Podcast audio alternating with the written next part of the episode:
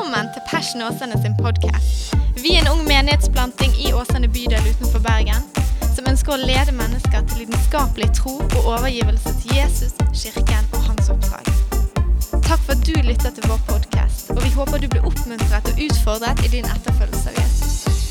Disse 66 bøkene, Det gamle og Det nye testamentet, hvordan det i løpet av ikke bare tiår, hundre år, men årtusener har fått lov til å gi håp til mennesker. Fått lov til å gi liv til mennesker. Ikke bare de siste årene, men i, i så mange tusen år. Ikke bare for noen få mennesker, men for millioner og milliarder av mennesker. Så har folk fått lov til, i livets motgang, i livets medgang, har de fått lov til å venne seg til denne boken. her, Fått lov til å venne seg til det han snakker om, og fått lov til å finne håp for sin sjel. Fått lov til å finne framtid i en tilværelse som kan være vanskelig. Og når sår og smerter og livet har grepet, så har mennesker fått nytt blikk og en ny morgendag ved det som står i denne boken. her. Jeg vet ikke om du har tenkt på det, det har du helt sikkert. Men det ble så sterkt for meg i går at, at vi kan få lov til å møtes over denne boken her. Det er et privilegium. Det er helt fantastisk. Og jeg tror det, at de øyeblikkene vi deler nå, at, at vi kan få lov til å oppleve det. At vi får lov til å få et glimt av Gud, som alltid er svaret til vår sjel. Så dette, med det sagt så ønsker jeg sammen som et oss å kunne få lov til å gå inn i denne Bibelen i dag, få lov til å gå inn i teksten og oppleve at Gud taler til våre hjerter. Der vi er, om vi er på høyden eller om vi er på dybden, om vi er unge eller gammel, så tror jeg at denne boken her har det dypeste svaret til spørsmålet som vi stiller i våre liv. Og det er Jesus Kristus. Du kan få lov til å være med meg til eh, det 13. kapittelet og det tiende verset. Lukas. Takk, ja. Jeg føler jo dere er så åndelige sånt. Dere plukker det opp, vet du. Nei, veldig bra. Vi har et lite stykke å gå der. Herlig. Du, Lukas, det 13. kapittelet og det 10. verset. Han som skriver her, er evangelisten Lukas. Vi har de fire evangeliene. Vi har de tre synoptiske evangeliene, som er mest lik. Johannes skiller seg ut. Og Lukasevangeliet er det tredje evangeliet. Du har Matteus, Markus og Lukas. Og Lukas var en lege, får vi vite i det nytestamentlige vitnesbyrd. Han var i reisefølge med Paulus, og han skriver om skildringene fra Jesus sitt liv. Og Hver av evangeliene har sine særtrekk. Sant? Eh, Matteus er særlig orientert mot jødekristne, tar for seg loven, hvordan Jesus oppfyllelsen av loven. Markus han har øye for Jesus sine emosjoner. Det står f.eks. at med den rike unge mannen Jesus som elsket han. Det står ikke i noen av de andre evangeliene. Og så har du Johannes. Han er bare sin egen greie, liksom. Eh, og så har du Lukas, og han har øye for detaljene. Og Det syns jeg er fint. Noen av oss liker detaljer. Noen av oss er gift med kvinner som liker den lille touchen. ikke sant? Eh, og Lukas er den typen som liker de små tingene som de andre ikke ser. Og, og Den teksten som vi får gleden av å lese i dag, finnes ikke i noen av de andre evangelieberetningene. Så dette er litt luksus, og du og meg får lov til å få et glimt av denne teksten her. Og Den litterære konteksten er at Jesus er på høyden av sin tjeneste. Han har gått noen år på jorden, på vei mot Jerusalem. Og Han går inn i synagoge en dag, datidens gudstjeneste, klokken 11 på morgenen, eller lørdag klokken 6 kanskje. Så det er den jødiske tradisjonen. Og så ser de for seg et vanlig gudstjeneste etter det vanlige programmet. Men én ting de ikke hadde regnet med, det var at Jesus var i bygningen. Og hvem vet at når Jesus er i bygningen, så forandrer ting seg. Og Det du tenkte skulle gå etter kjøreplan, det ble aldri helt sånn. Og det livet du hadde planlagt, det ble plutselig litt annerledes. Fordi at Jesus is in the building. Og det tror vi her òg. Vi leser Jesu navn. Jesus underviste i en av synagogene på sabbaten. Og se, det var en kvinne som hadde hatt en avmaktsånd i 18 år. Og Hun var krumbøyd, og hun kunne ikke rette seg opp. Men da Jesus så henne, han så henne, kalte han henne til seg og sa til henne, 'Kvinne, du er løst fra din avmakt.' Og han la hendene på henne, og straks rettet hun seg opp og æret Gud. Fantastisk beretning, fantastisk historie. Men da synagogeforstanderen, datidens pastor, ble, han ble harm fordi Jesus hadde helbredet på sabbaten, han begynte da å tale og si til folkemengden Alle sammen, det er seks dager til å arbeide på. På en av de skal dere komme og bli helbredet, og ikke på sabbatsdagen. Da svarte Herren og Satan, hykler. Kan dere si hykler? Der fikk du lov til å si det, vet du. Løser ikke enhver av dere oksen sin eller eselet sitt fra båsen og leier den av sted for å gi den vann på sabbaten? Skulle ikke da denne kveen som er en Abrahams datter, og som Satan har bundet, tenk på det, i 18 år, oppleve det å bli løst fra denne lenken på sabbaten? Da han sa dette, ble alle motstanderne hans gjort til skamme. Og hele folkemengden gledet seg over alle de herlige gjerningene som ble utført av han. Jeg har valgt å kalle de ordene jeg får lov til å dele med dere i dag, for nåden som når deg. Nåden som når deg, og som når meg. Skal vi ta og be sammen? Jesus, vi takker deg for de øyeblikkene vi får lov til å dele nå over ditt ord, Jesus. Eh, og Jesus, takker deg for at dette er ikke ord som går ut på dato. Dette er ikke ord som bare var for en gitt tid og kontekst. Men at dette er ord som kan gi oss trøst, Jesus. Kan gi oss tro for våre liv, Herre, og for vår framgang og for vår morgendag, Jesus. Og Jeg ber for de øyeblikkene her, Gud. Mer enn at jeg får lov til å famle noen ord fram, Gud, så ber jeg om at du ved din Hellige Ånd, at du griper våre hjerter, at du åpner våre hjerters øyne så vi kan se deg, Jesus. At du møter oss der vi trenger å møte deg i dag, Jesus. Det ber vi om i ditt navn. Amen. Du, jeg husker da jeg var liten og eh, det var lørdager. Og Jeg vet ikke hvilke minner som vekkes i deg når du hører lørdag og tenker speb, eh, ikke spedbarn, men mens du var liten. For meg så var det lørdagsmorgener så var det litt ekstra kos med familien. Det var gjerne egg på morgenen. Men brått endte kosen, for da sa mamma i dag er det, i dag er det kjempestemning. I dag skal vi ut på tur. Og vi skal kose oss på fjellet og gå tur i dag. Og der var det sånn, Mamma, jeg skjønner ikke hva du mener. Du sier kos, men så sier du tur. Jeg føler at, at kos er med på, men tur, der ødelegger du kosen. Og det kan være at de som er foreldre her, opplever det. Men eh, jeg sa jeg hadde ikke lyst. De sa du skal. Jeg sa jeg vil ikke. Jo, du skal. Og så tok de kledde på oss, satte oss i Volvoen 240-en, tok på oss beltet, og nå skal vi kose oss. Jeg og min søster, og de dro oss med opp på fjellet. Jeg trenger ikke si det, men det var ikke veldig lystbetont når jeg var yngre. Men ettersom tiden har gått, og så jeg har tatt til fornuft og blitt et dannet menneske etter hvert, så har jeg sett det at det å gå i fjellet har vist seg å være en av de største gledene i livet mitt. Og får jeg mulighet en dag etter studier, etter tingene som jeg er nødt til å gjøre, og kunne få lov til å sitte meg i bil og kjøre for å gå en fjelltur, så storkoser jeg meg. Og er det flere som er der, som elsker fjellturene? Ja, det er bra, vet du. Det er sånn som Jesus òg, vet du. Gikk opp på fjellet for å be. Men for et par år siden, to år siden så hadde jeg en anledning til å gå på fjelltur. Skulle gå på det, et fjell i Åsane som heter Høgstefjellet. Det er det andre høyeste fjellet i Åsane. by the way. Vi liker å kalle det for andre ting enn det det er. Og Jeg begynte å gå oppover der. Jeg kjørte opp i fjellsiden, for jeg hadde ikke lyst til å gå altfor langt. Kjørte opp i fjellsiden, fant parkeringsplassen, og så begynte jeg å traske oppover fjellsiden der. Og Dette var ca. på denne tiden her av året, og mørket begynte å melde seg, og det begynner å bli kaldt på kvelden. Men jeg gikk opp på toppen, og så husket jeg fra en av de lørdagene litt tidligere når jeg var yngre, at mamma og pappa vi hadde gått nettopp på dette fjellet her, men da hadde vi gått en annen vei ned.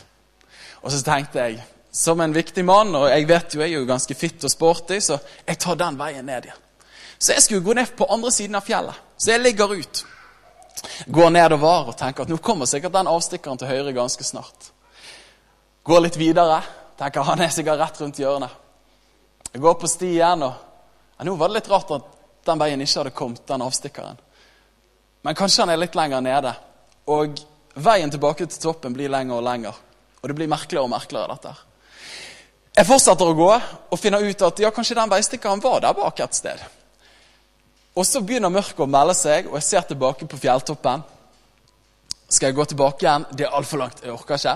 Jeg får bare løpe ut denne stien her. Hadde ikke peiling på hvor jeg var hen. Mørket kommer, og jeg ser på meg sjøl som en ganske sindig, stabil, sterk mann. Ganske fredfull, ikke så veldig mørkredd. Men jeg kan anerkjenne at den kvelden der så begynte jeg med å gå, og så begynte jeg med litt fort gange. Og så endte jeg opp med å jogge, og så løp jeg. Eh, for der kom mørket. Jeg visste ikke hvor jeg var. Jeg måtte ned fra fjellet. Så jeg løper, og for de av dere som er kjent i Åsane, dette er Toppe. Jeg løper gjennom busk og kratt og skog og fjell, og jeg ender opp nede på Ikea i Åsane. vet du. Sant? Det er jo Mekka, det er moderskipet for oss i Åsane, men det var ikke der jeg hadde lyst til å være da. Og jeg, vet du, som den fjellmannen jeg er, så ligger jo alltid telefonen igjen i bilen. sant? For det, den trenger jeg i hvert fall ikke. Så jeg har lagt den igjen i bilen, og så går jeg langs motorveien tilbake igjen. da. Og tenker eh, triste tanker. Jeg hadde gått meg bort, jeg trodde jeg visste veien, jeg fant ikke veien videre. Og for en overgang til våre liv, og for en overgang til den hverdagen som du og meg befinner oss i, så tror jeg av og til at vi ligger ut på vandringen i våre liv med at gjerne i begynnelsen av ungdomsårene våre Jeg prekte på et ungdomsmøte i går, prekte det samme. Og så sa jeg på begynnelsen av ungdomsårene, og de bare sa vi er ikke ungdommer engang ennå. Eh, men en eller annen ting i livet sitt. Jeg klarte liksom å vri det inn på de da. Men her er jo et litt mer voksen segment. Og Vi ligger jo gjerne ut i begynnelsen av våre tenår i ungdomsårene våre at vi har lyst til å komme et sted. At vi ser for oss en ventet framtid. Kanskje i møte med en relasjon, i møte med arbeidsmuligheter, i møte med livene våre. Men kanskje mer enn noe vi har lyst til å leve etter den standard som Gud løfter opp. Vi har lyst til å leve med omsorg for våre medmennesker. Vi har lyst til å være en god ektemann, en god ektefelle. Vi har lyst til å være en god mor og far. Og så ligger vi ut og vi har en framtidsutsikt som vi håper å nå. Men underveis så skjer av og til de tingene som vi ikke var klar over. At i den relasjonen der man en gang sa ja, plutselig ble det litt vanskelig. At man sa de ordene i et varmt øyeblikk som man var sikker på man aldri skulle si. Eller man gjorde de tingene som man var, hadde overbevisning om at 'dette skal jeg ikke gjøre'. Man skuffet noen, man brøt et løfte. Eller kanskje for sitt eget liv. Man så på noe man ikke skulle se på. Man brukte penger på det man ikke skulle bruke penger på. Og man ender opp et sted som man ikke så for seg å være.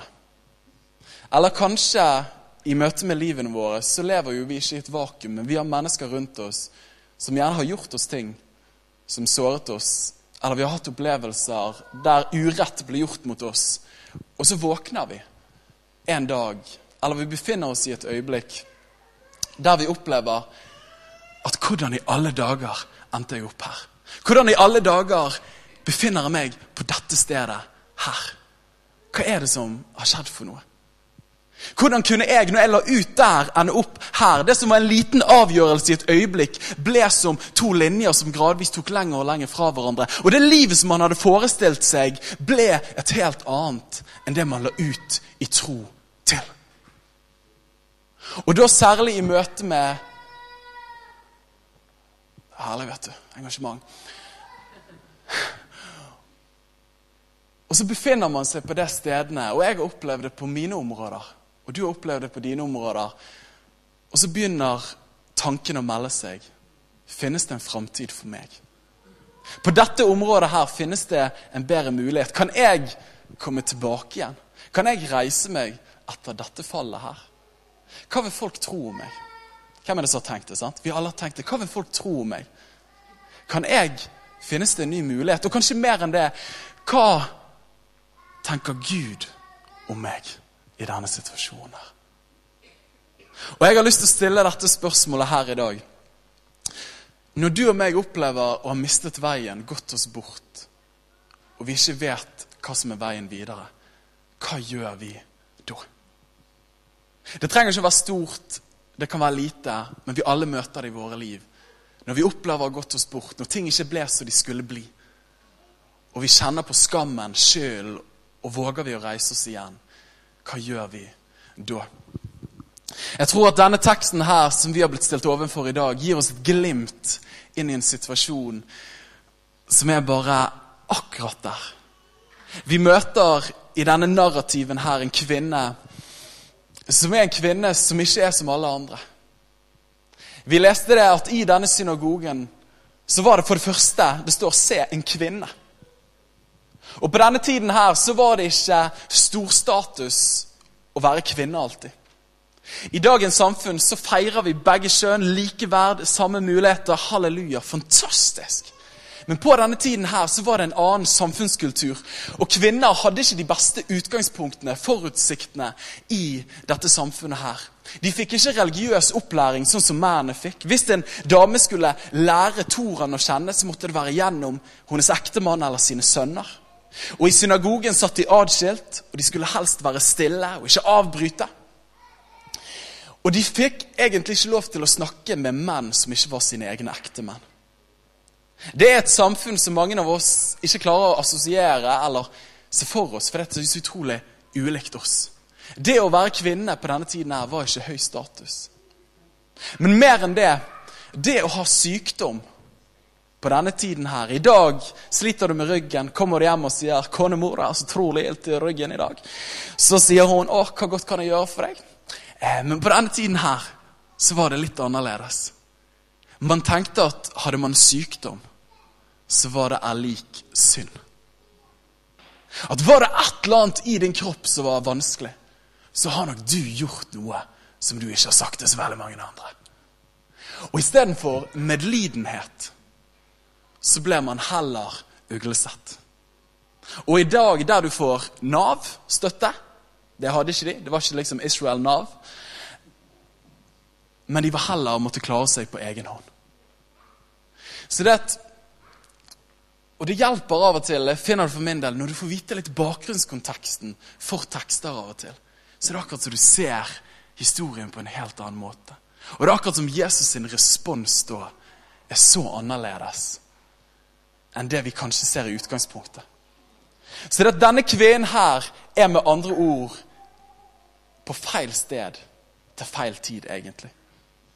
Så for det første er hun en kvinne i en religiøs setting. Og for det andre så er hun syk. Og ikke bare forstuet en fot i et par uker, men dette er en kvinne som har vært krumbøyd, bøyd over i 18 år. Ikke akkurat sånn du kan skjule din tilkortkommenhet, men det var noe som var åpenbart for alle og enhver. Og her syns jeg det er noe av det vakreste.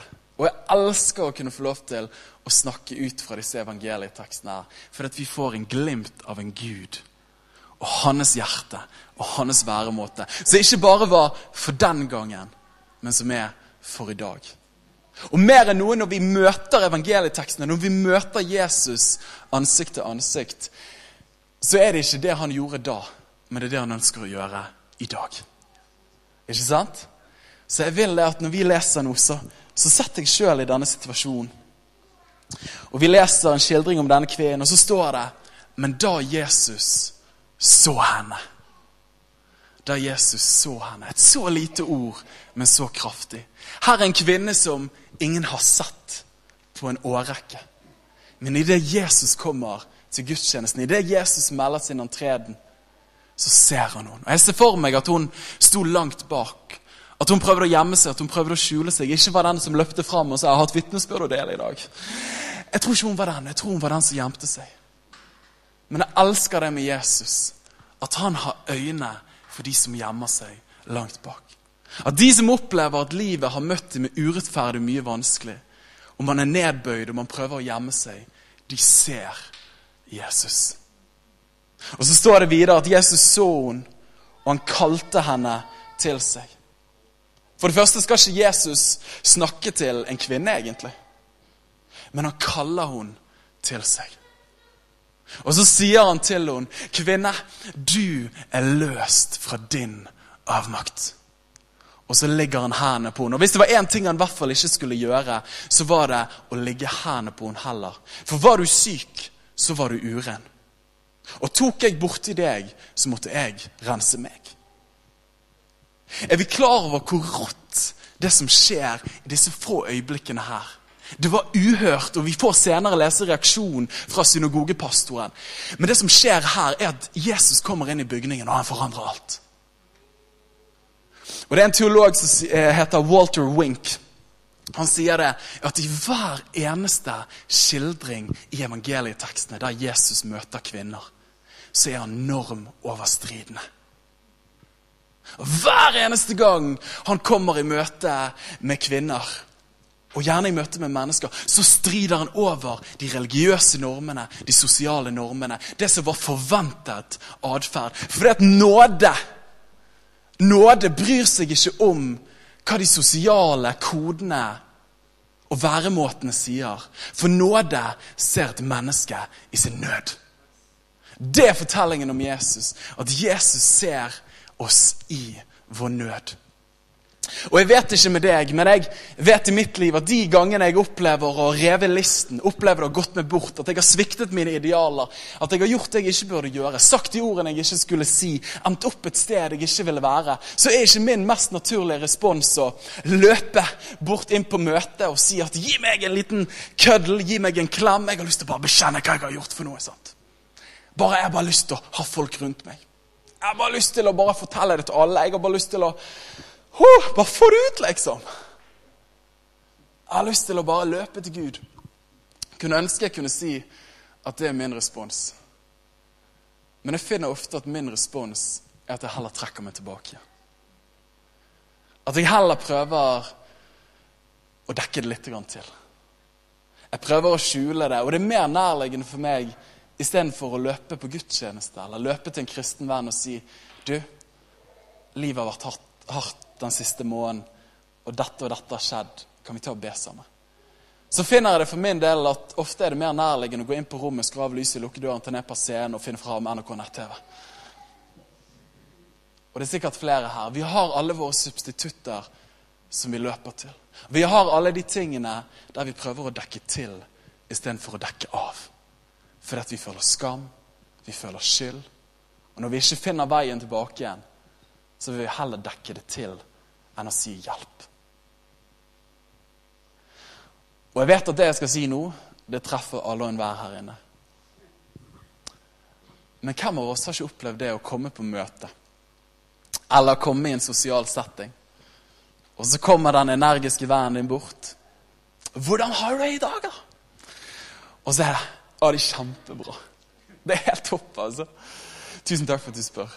Og så bare vet du at innsiden bare ramler fra hverandre. Sant? Vi har vært der.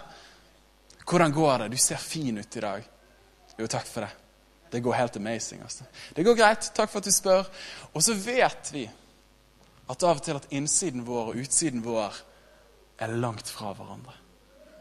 Og jeg kjenner i møte med min relasjon til Gud at det er så lett for at vi tar med den samme tingen inn i vår vennskap med Gud òg. Vi kommer på møte, vi gjør de tingene, vi er med på bibelgruppe. Vi gjør det som forventes av oss. Og er ikke dette egentlig det som ligger i vår menneskelige natur ofte? Og som vi allerede møter i de første bladene av denne boken her. Når mennesket bryter Guds standard, tar frukten, spiser av den, og så kommer Gud ned i hagen og sier 'Hvor er dere?' Og da har de vet du, de har funnet fikenblader, de har dekket seg til. Og på 1, 2, 3 så ble mennesket motedesignere av fikenblader. sant? Vi er kreative når vi først må dekke oss til. Det vet vi alle noe om. sant? Du vet hvordan du skal unngå de personene, du vet hvordan du ikke skal si det. Du ikke skal si, og du vet hvordan du skal ta deg, og så videre. Men det jeg elsker med Jesus sin væremåte, er nettopp det her at Jesus lodder forbi fasadene. At i en kvinne som prøver å gjemme seg, så ser han noen, Og så kaller han noen til seg. Og så legger han hendene på henne og sier han, du er løst fra din avmakt. 18 år med smerte, 18 år med plage, 18 år med bebreidelse, skam, skyld, fordømmelse, ikke funnet veien videre. Og i et øyeblikk så forandrer Jesus alt. Det har han lyst til å gjøre i våre liv. Det er sånn han er i våre liv. Gud ønsker ikke å fordømme deg og meg, men Gud ønsker å forbarme seg over deg og meg. Gud fordømmer ikke, men Gud forbarmer. Det var en velkjent sjelesørger som sa at, eh, at hvis du i møte med relasjonen til Gud opplever fordømmelse Hvis du kjenner på fordømmelse, så kan du vite én ting at det ikke kommer fra Gud. Og Dette er sannheter som du og meg har hørt helt fra søndagsskolen. Er du liksom unnfanget og oppvokst i kristen sammenheng, så har du hørt Romerne 81. liksom. Det er ingen fordømmelse for den som er Kristus. Halleluja, amen. Det er herlig, vet du. Og så hører vi det, og så glemmer vi det, og så lever vi likevel med tildekking. Og vi dekker til, og vi trekker oss unna. Men Gud mener det han sier. Og det glimtet vi får av denne kvinnen her, som prøver å skjule seg og dekke seg, og hvordan Jesus møter henne. Det er sånn han ønsker å være i møte med mitt liv og i møte med ditt liv. At han forbarmer seg over våre feiltrinn, og han fordømmer ikke oss i vår fornedrelse. Det er den Gud vi får lov til å kjenne. Jeg synes det er fantastisk. Og For noen år tilbake så befant jeg meg i denne situasjonen at jeg kjempet i møte med et område av mitt liv. Og Midt i det så opplevde jeg at jeg fikk et glimt i mitt indre. Og jeg tror at det var Den hellige ånd som ga meg et bilde. Jeg fikk et bilde av meg sjøl som liten. Og jeg hadde ramlet, og så hadde jeg fått sår på kneet mitt. Og så slo det meg hva ville pappa helst ønske? At når jeg feilet og falt, at jeg løpte og gjemte meg fra han. Sånn at såret mitt kunne bli lekt før jeg kom til han. Sant? Det høres jo helt banalt ut. Det høres jo helt merkelig ut. Det han hadde ønsket, var jo at jeg skulle løpe til han i min smerte. Fordi at han ønsket å gi meg omsorg. Men på en eller annen måte så klarer vi å snu det rundt i møte med Gud. At feiler vi, så skuffer vi han. Og han vil heller fordømme oss. Så det er best jeg skjuler meg litt. Finner noen fikenblader, dekker meg til til såret gror, og så kommer jeg tilbake, og det er bare glory. sant?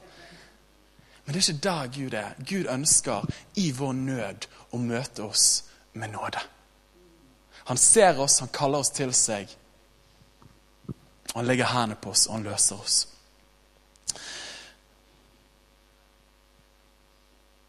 Jeg vet ikke om du har tenkt på det tidligere, men i møte med denne kvinnen her, så står det at hun hadde en avmaktsånd. Og Norskfaget på videregående var ikke det faget som jeg var sterkest i, og ikke på ungdomsskolen heller. Jeg smisket meg til en karakter. Men jeg var ikke så veldig god i det. Og det er sikkert flere her inne som opplever at norsken kunne være vrien. Men én ting i møte med ordet avmakt, det jeg forstår, er at det er to ord som er satt sammen. Ikke sant? Det er av, og så er det makt. Eh, og det jeg tenker, jeg vet ikke om det er grunnteksten, men it makes sense to me. Og det kan styrke ditt trosliv. Det er fint, vet du. Nei da. Avmakt. Sant? Vi har makt, men når makten er av, så har vi ikke så veldig mye makt. Og På grunnteksten så kan det oversettes en svakhetsånd. Så det at denne kvinnen her opplevde i livet sitt at hun var bøyd over. Det sto at hun var krumbøyd. Hun var bøyd over. Kunne ikke rette seg opp lenger. Kunne ikke rette seg opp. Hennes makt i livet var av. Og Så leser vi senere at Jesus sier at, at denne damen her, som er en Abrahams datter, har vært bundet av Satan i 18 år. Og det, leste, og det, slo meg når jeg leste denne teksten her, at hva er en av de fremste måtene den onde binder oss på?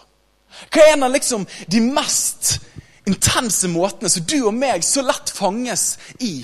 Det er jo ikke det at vi opplever at den onde stiller seg foran oss og så sier han, 'Jeg skal ta deg', liksom. Sånn, der, der, har vi våpenet. Sånn, Der har vi vår åndelige jiu klar. liksom. Vi binder den tanken, tar den til fange. Vi har lært liksom greiene der. Men jeg tror at en av de fremste måtene den onde binder deg og meg på i vår daglige vandring og i våre liv, er at vi blir bøyd over. Og idet vi er bøyd over, hva er det vårt blikk rettes mot da? Vårt blikk rettes mot oss sjøl. Det rettes mot innover, mot oss sjøl. Og det har jeg lyst til å si til deg. Jeg tror at en av de fremste måtene at du og meg opplever å bli holdt fanget i vår fortid, er at vårt blikk rettes nedover istedenfor at det rettes oppover. Ikke sant? Jeg har lyst til å si det til deg i dag at Opplev det å få det ordet der, men det finnes ingen frihet ved å finne frimodighet i sin fortid. Det finnes ingen frihet ved å se på sine egne feiltrinn og få frimodighet for framtiden. Det er aldri svaret. Og Det er billedlig talt, det her. Men jeg tror at denne kvinnen her, bøyd over i 18 år jo mer du ser innover, jo mer du opplever at du har kommet bort i livet, at du ikke er der du så for deg å komme, bøyd over, og så prøver vi med de flokene i livene våre så prøver vi å løse det. Spørsmål på spørsmål. Vi prøver å finne et svar under. Og jo mer vi ser innover, jo mer merker vi, jo mer sammenknyttet blir vi. Jo mer bøyd over blir vi. Og håpet ebber ut, og vi skjønner ikke hvor kommer friheten for vår morgendag. Og jeg syns det er så rått, det som skjer da. For det som skjer, er at Jesus går bort til henne, og så sier han, 'Du er løst fra din avmakt'. Du er løst fra din avmakt. Du er løst fra selv å prøve å ordne livet. Du er løst fra selv i 18 år. For det kan det være to år. For meg kan det være tre år, to måneder, fem år, ti år, 20 år. At man prøver å løse floken i livet. Man prøver å dekke til feiltrinnet. Man prøver å finne et svar på spørsmålet som man har kjempet med i årevis. Og jo mer man ser innover, jo mer man prøver å hente frimodighet i sin egen resonnering og refleksjoner av eget liv og fortelling, jo mindre frihet kommer det. Og De gode nyhetene er det at friheten i våre liv er den dagen Jesus taler til oss og sier at du er fri fra å prøve å få det til selv. Men at friheten kommer når han sier du er løst. Og så ligger han hendene på deg. Og det står at straks rettet hun seg opp, og hun æret Gud. Det som hun har kjempet med i en årrekke, skjer i et øyeblikk. Hvorfor det? Jo, fordi at i oss sjøl finnes ikke svaret. Men i den nåden som er i Gud, så finnes friheten som vi alle lengter etter. Og jeg vet, Hvis du er født og oppvokst i kristen sammenheng, sånn som meg, så har vi hørt begrepene nåde, barmhjertighet, forsoning, gjenopprettelse, helbredelse, befrielse. You name it. sant? Vi kan den karismatiske ordboken. Og det er så lett at vi lekker ut betydningen av disse ordene. Men sannheten er det at det finnes en nåde som når deg, og som når meg i vår nød. Og den nåden gjør det som vi har prøvd i en årrekke, på et øyeblikk. At Når vi ikke vet veien videre, når vi ikke har svarene på spørsmål, når vi opplever at hverdagens press og utfordringer blir så overveldende, og Istedenfor å se nedover, så inviterer Jesus deg og meg til å løfte blikket vårt oppover. Og kunne få lov til å se inn i hans øyne, som er full av nåde, som er full av sannhet. Jeg opplevde det i mitt liv. Akkurat det her. Ehm, at fra Vi er jo ulike mennesker, vi er ulike støpninger. Sant? Noen av oss eh, er veldig emosjonelle. Andre av oss eh, lurer litt på hva emosjoner er. Eh, noen kan si til konen 'Jeg elsker deg', og det bare slår inn i hjertepumpen med en gang. emosjonene. Andre kan si 'jeg elsker deg', og så går det tre år, og bare 'ja, nå kjenner jeg at kjenslene sier at jeg elsker deg'. sant? Det kan gå litt grann år. Det er sikkert mange fortellinger her inne. Men sånn som det er for min del, så er jeg en type fra tanke til følelser. Det går sånn her Jeg føler det før jeg tenker det, nesten. sant? Be for meg. Eh, og fra jeg var ganske ung, 13 år, så har jeg min trosvandring og min fortelling har vært det at jeg har opplevd å ha mange kamper i mitt sjel, i mitt sinn. Eh, og kjempet mye med Særlig for min del har det vært mye frykt. Og på en eller annen måte litt sånn irrasjonelt mye frykt av og til. Men opplevde det å kunne få lov til å ta steg i frihet. Men i flere år så gjorde jeg akkurat som denne kvinnen her. At man var bøyd over. Og prøvde å finne ut av flokene i livet på egen hånd.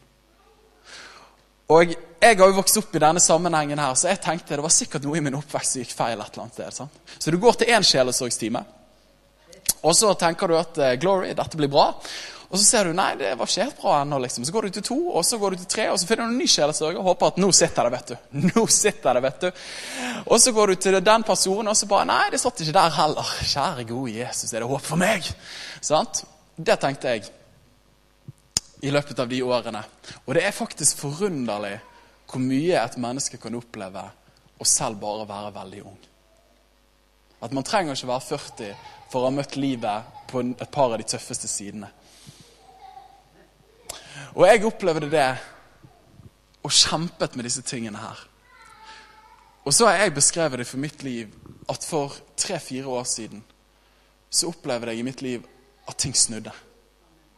At bønner som jeg hadde bedt i en årrekke, plutselig fikk sitt bønnesvar.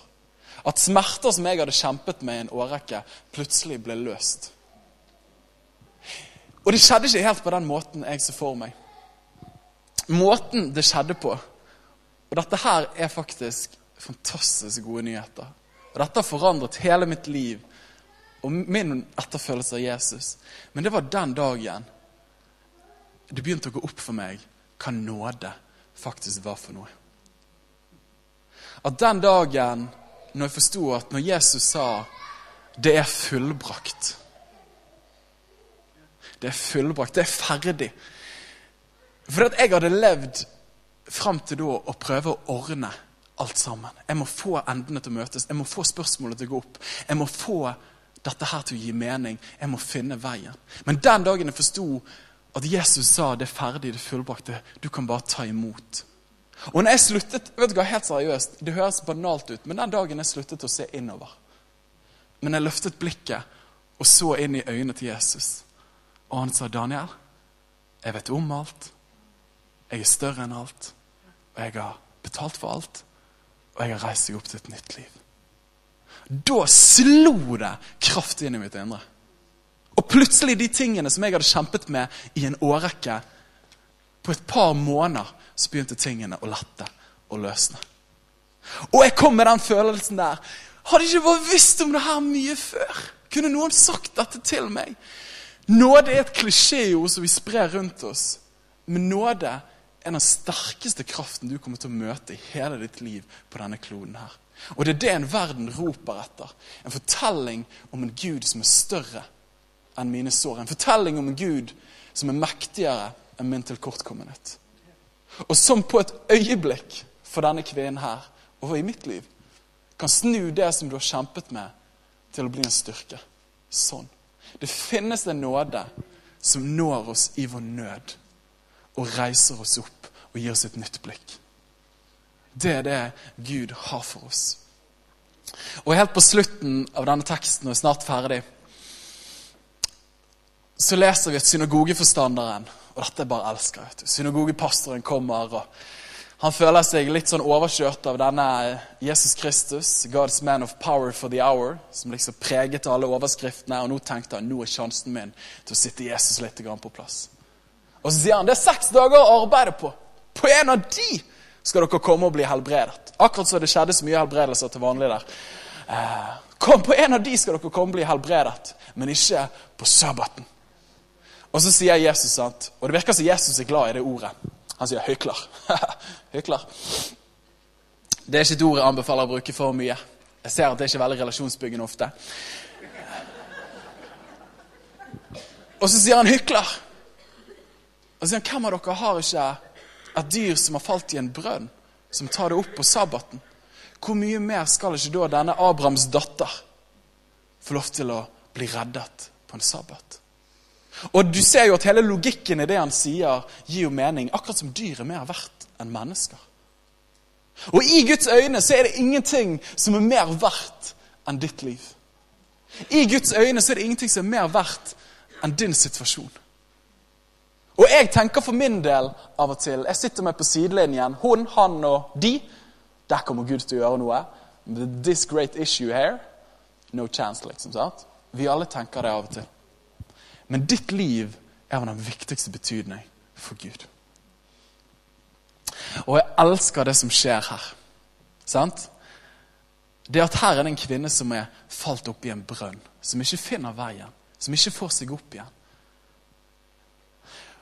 Og det synagogeforstanderen sier, er at på arbeidsdager så kan du komme og bli helbredet. Og det han egentlig sier, er at skal du bli helbredet, så må du fortjene det. Men det Jesus sier, er at på sabbatsdagen, når du ikke arbeider, da kommer din helbredelse. At når du handler da hviler ofte Gud veldig godt. Men den dagen du og meg lener oss tilbake og hviler, da handler Gud. Og det fant jeg for mitt liv i opp gjennom tenårene. Kjempet, kjempet, kjempet, kjempet. Og fikk aldri gjennombruddet som jeg ba om. Men når jeg ga opp og fikk ta imot fortellingen om en forbarmelse som var ufortjent, i Hans nåde, så opplevde jeg gjennombruddet som jeg hadde bedt om. Jeg har lyst til å si til deg at din frihet, din legedom og noen av dine bønnesvar vil komme den dagen du sier 'Jeg gir opp'. Gud, ta over. Den dagen man sier vet du hva, 'Jeg klarer ikke å finne svaret på disse spørsmålstegnene her'. Gud, hva er ditt svar? Jo, jeg har et svar til deg. Det er ferdig. Jeg har svaret. Reis deg opp, ta sengen din og gå. Du har en ny begynnelse fra i dag av. Og så sier han det. Denne Abrahams datter. Abraham var troens far. Han var løftets far. Hun var en løftets datter. Visste du det? At du og meg er barn av Gud, og vi er løftets barn. Vår legedom ligger ikke i vår bestrebelse, men i hans befrielse av oss. At det ligger ikke i vår prestasjon, men det ligger i tillit til hans person. At vi er barn av Gud. Og da får vi det ufortjent, for at han har gjort det. Dette er budskapet som jeg kjente jeg tror Gud har til oss i dag. Og jeg tror at det er et budskap som er til hver av oss, uansett hvor vi måtte befinne oss i våre liv. At det finnes en nåde som når oss i vår nød. Takk for at du lyttet til Passion Åsane sin podkast. Hvis budskapet inspirerte deg, del det gjerne videre, slik at enda flere kan bli styrket av Guds ord. Gud har en plan for ditt liv. Følg Jesus lidenskapelig og bety en forskjell for mennesker i din verden.